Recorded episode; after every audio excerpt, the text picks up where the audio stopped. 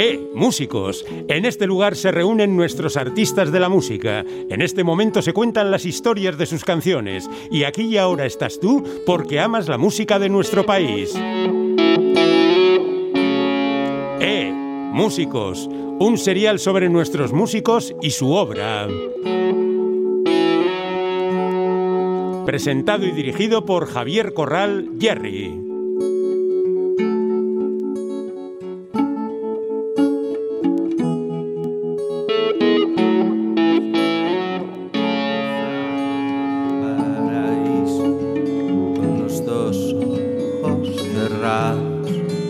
Puedo ser un eclipse no dejar pasar un rayo.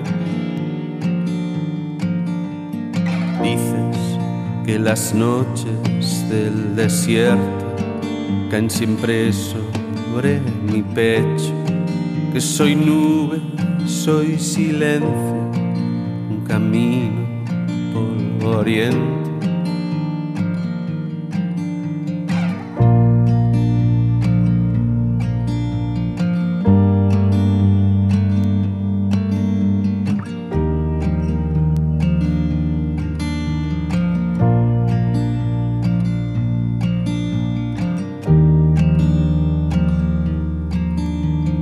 Sabes que no sé seguir tus huellas, las señales que me dejas, que nado por las lagunas como un enorme cisne negro.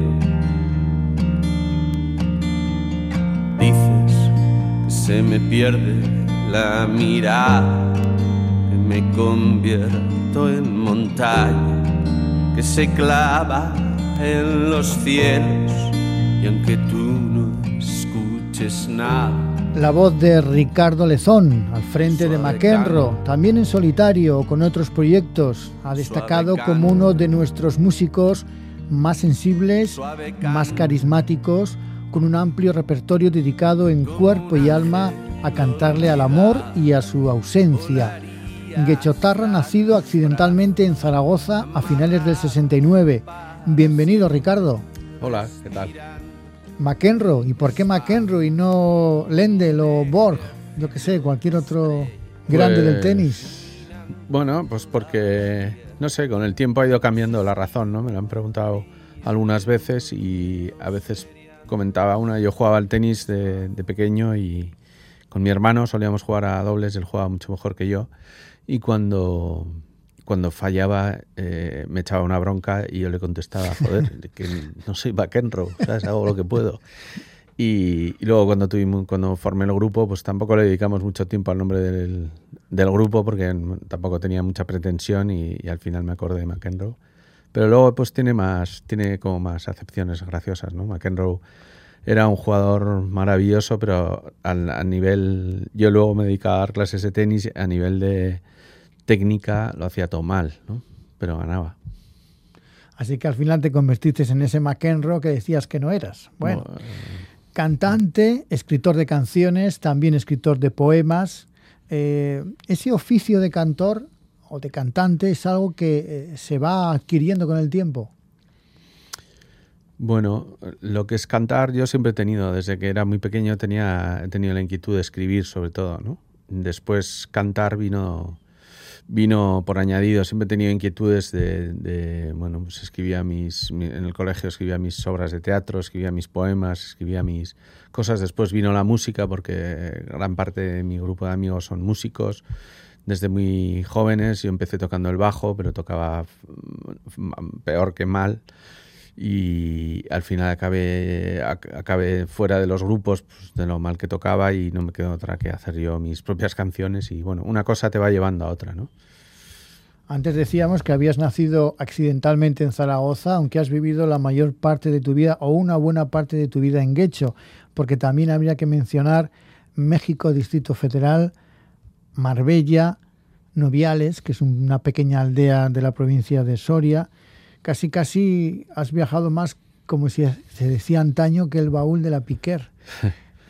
Sí, Bueno, Zaragoza realmente sí que fue accidental porque, vamos, yo me siento de Guecho y, es donde, donde he crecido y donde, y donde, y donde he vivido todo, ¿no? Lo, pero bueno, luego la vida me ha llevado por, por sitios y, y sí, pues he tenido la suerte de estar dando un poco dando botes ¿no? de un sitio a otro y, bueno, ahora estoy otra vez aquí y, un poco hecho es un poco la, casa, ¿no? la casa del padre. ¿En qué te llevó a estos sitios tan distintos y tan lejanos algunos como, como la capital de México, como Marbella?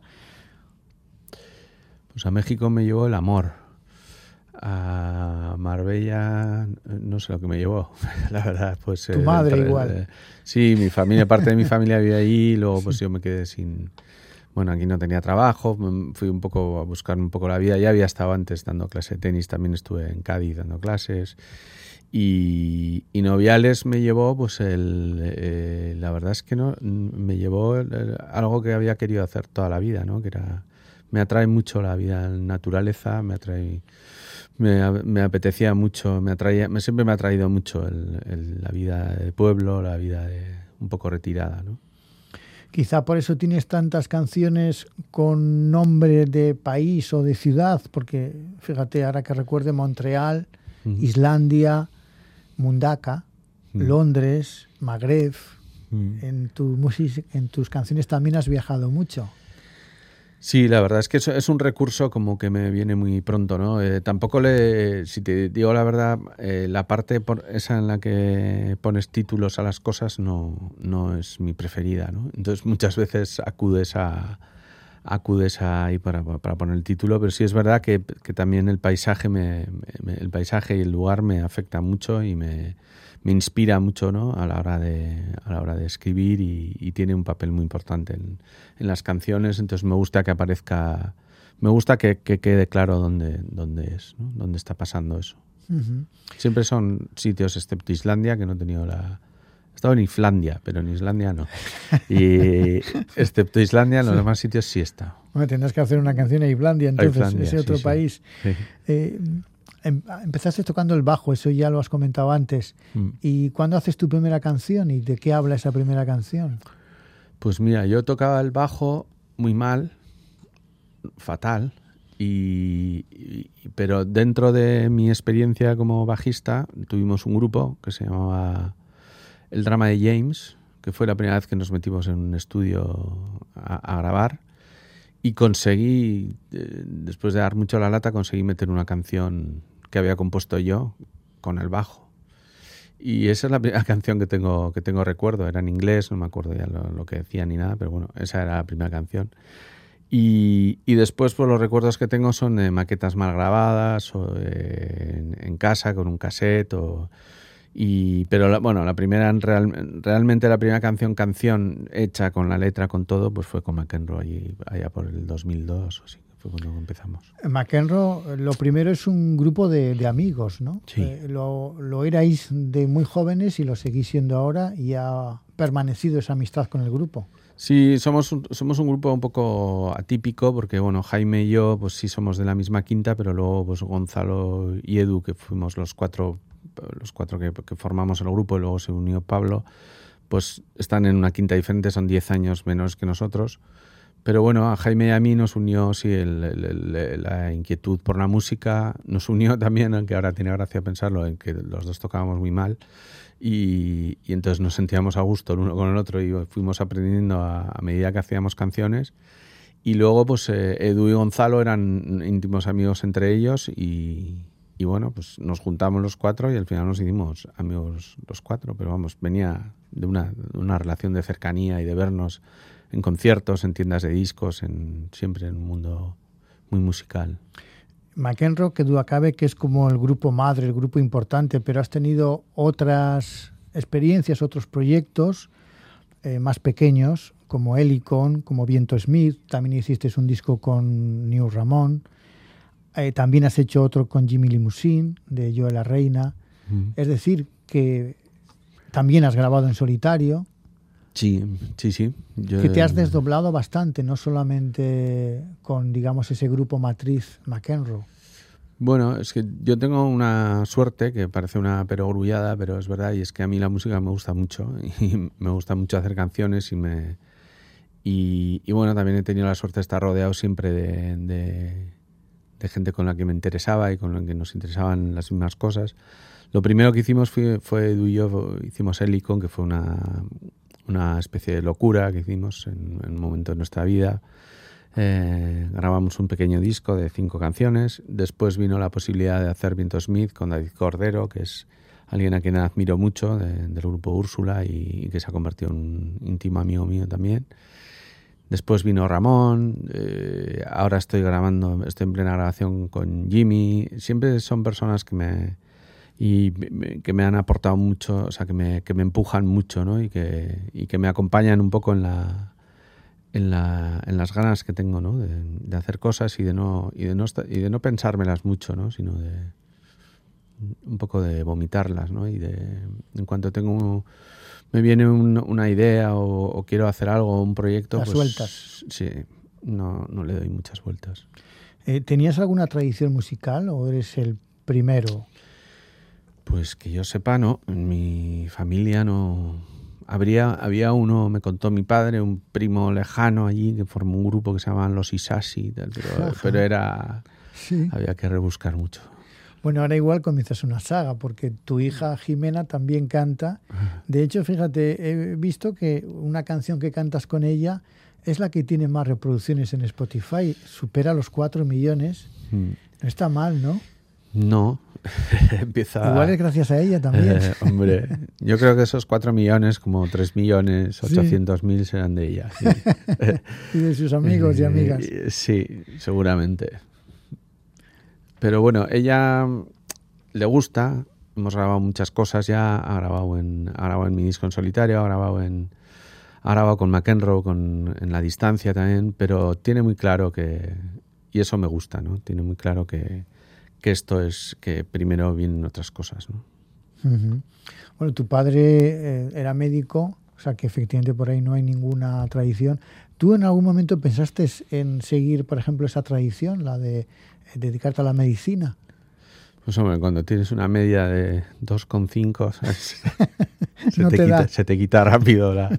No, la verdad es que no, no, la medicina nunca, Nunca me, nunca me llamó. No, yo estaba ¿Y te mareas con la sangre? me mareo con, con Sí, la verdad es que sí, no me gusta nada. O sea que estaba claro que por ahí no, no, podías ir. no era mi camino. ¿Y ellos qué pensaban? Tu familia, tu padre, tu, tu madre, tus hermanos. En ese sentido, mm. creo que eres el mayor de cuatro hermanos, ¿no? Soy el mayor, sí. Lo que pasa es que hemos tenido la vena esa, ha salido, mi hermana María es pintora, Em, se fue a estudiar a Canadá, hizo Bellas Artes allí, vivió mucho tiempo allí y, bueno, y, se dedica a la pintura profesionalmente con sus con sus eh, exposiciones y sus eh, También ven artística, por lo tanto. Sí, ella fue la primera que además se dedicó directamente y estudió, hizo la carrera de Bellas Artes y todo. ¿Qué pensaron cuando yo tocaba la guitarra? Pues hombre, eh, pues estudia.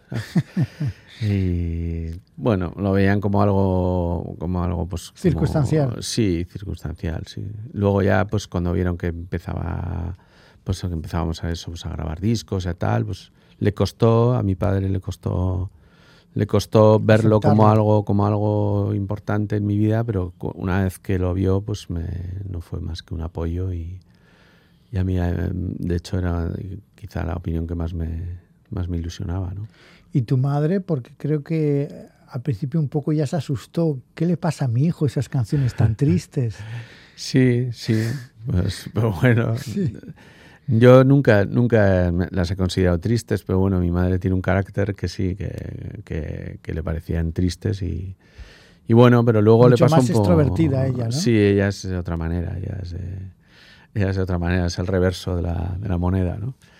Pero bueno, le pasó un poco lo mismo, ¿no? También de repente empezó a ver y ahora pues es la primera que me llama todo el rato y, oye, vas a tocar en Granada y entonces se lo explico y luego me vuelve a llamar al día siguiente. ¿Y dónde era? ¿Dónde tocabas en Granada? ¿Y qué tal ha ido? Y llámame y cuéntame y tal. A tu padre incluso le dedicaste una canción, le hiciste una canción para él. Sí, sí, sí. Sí, mi padre al final, pues, eh, bueno, me hacía mucha ya te digo que me hacía muchísima ilusión que, porque además es que le gustaba, y me hacía mucha ilusión que le gustase. Antes, cuando hemos mencionado los diferentes proyectos, grupos, colaboraciones en las que has estado, dices que es que te gusta mucho la música y te gusta hacer canciones, pero también tienen que salir, hay que ser, pues en este caso, prolífico, como puede serlo, ¿no? ¿Te consideras eso, un autor prolífico?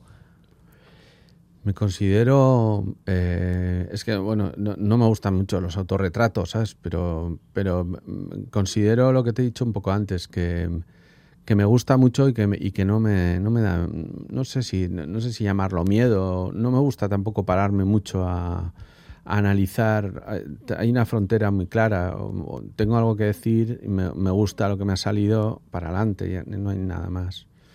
Eh, grabar, darle una vuelta, ¿dónde voy a ir? Por aquí, no, es que si esto lo hacemos de esta manera, no, esto que muchas veces sería bueno, pero en mi caso no, no existe. Y de hecho, cuando me he parado a hacerlo es cuando me han salido las, las cosas que menos me, me gustan, ¿no? Entonces, prolífico, sí, no, me, no, no toco mucho la guitarra ni, ni, toco cuando me apetece y, y, cuando de repente tengo algo que decir y cuando tengo algo que decir lo digo. También has publicado un par de libros de poemas. Eh, cuando empiezas a escribir algo, sabes perfectamente que va a ser, que el destino es una canción o puede ser un poema o eso viene después. Pues al principio sí. yo empecé a escribir antes de, antes de escribir canciones, empecé a escribir escribía poemas y, y, cuando me sentaba a escribir poemas me sentaba a escribir poemas y cuando quería hacer una canción podía hacer una canción. Después todo se fue se fue, se fue mezclando solo. ¿no? acaba, acabé, al final no sabía lo que estaba escribiendo, muchas veces me venía la melodía de la canción y acudía y cogía unos versos para, o luego he cogido partes de canciones para versos, ¿qué más da? ¿no? Al final fue como una... Recuerdo cuando le dieron el, el, el Nobel, y salvando las distancias y todo, pero el Nobel a Bob Dylan, que hubo esa especie de, como de debate, de cómo se podía dar un Nobel de literatura y nunca lo entendí, ¿no? ¿Por qué no es literatura? Porque, porque lo canta. Está claro. Algunos también decían que le tenían que haber dado a los músicos el Nobel de Medicina, porque la música es curativa. Por ejemplo, pues ¿Eh? sí. Fíjate, cuando te pedíamos una canción de tu niñez o de tu adolescencia, nos dabas varias oportunidades, varias posibilidades. Una de Lou Reed, que es el Coney Island, que además la has citado tú en una de tus canciones. También una de Silver Juice, cuyo líder falleció. Pero al final te decantaste por una canción francesa de los años 60, que supongo que conocerías pues siendo muy niño, una canción de Pierre Bachelet, mm. una de esas canciones que eh, pues tienen cierta repercusión en su momento, pero que luego seguramente se olvidan. Sí, bueno, es que yo pasé, pasé todas las etapas, ¿no? y no, no, me, no me avergüenzo de ninguna, sino que me, hace gracia, ¿no? Yo pasé, me empezaron a gustar los, lo que escuchaba de, lo que escuchaba de, la música que escuchaba con mi, con mi padre en el coche. Me gustaba Diango, me gustaba Julio Iglesias, eran los que me llamaban la atención. Me gustaba Pierre Bachelet, es una cinta que encontré en, en un coche de mi padre y, lo machaqué. Después pasé por, por, otros grupos, por Dire Streets, por Culture Club, por, por todo lo que vas escuchando hasta que te vas a. Hasta... sí, pero ahí es cuando entras como en algo como que dices aquí. Más consciente, ¿no? Nunca voy a hacer una canción como la de Pierre Bachelet, pero te aseguro que me encantaría y que, y que cuando hago canciones le lo tengo muy presente.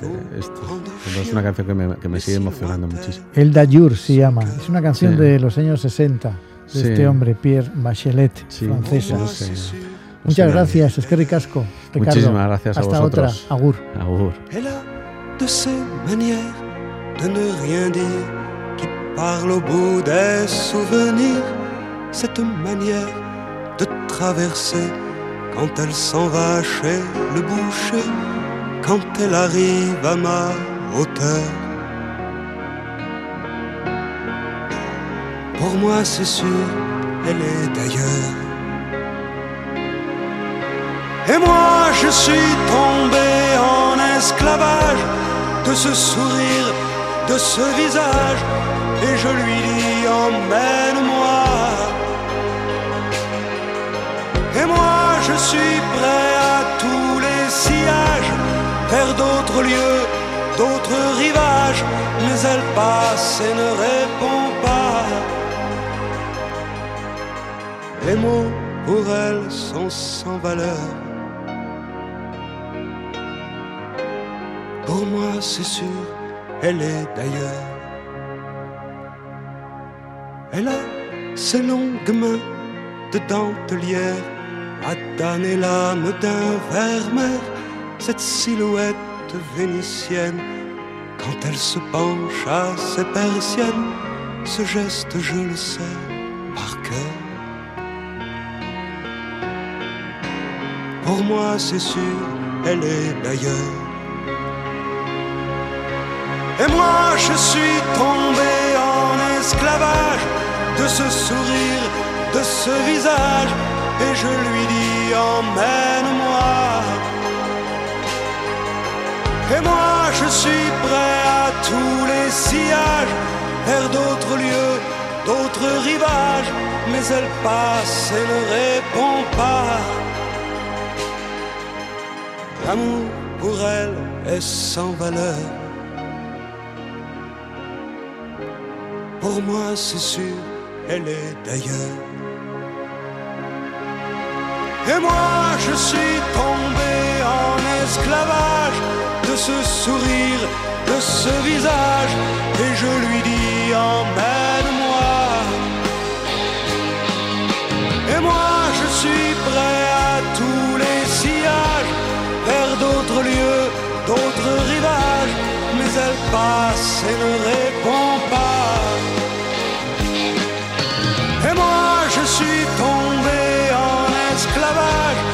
ce sourire, de ce visage, et je lui dis emmène-moi.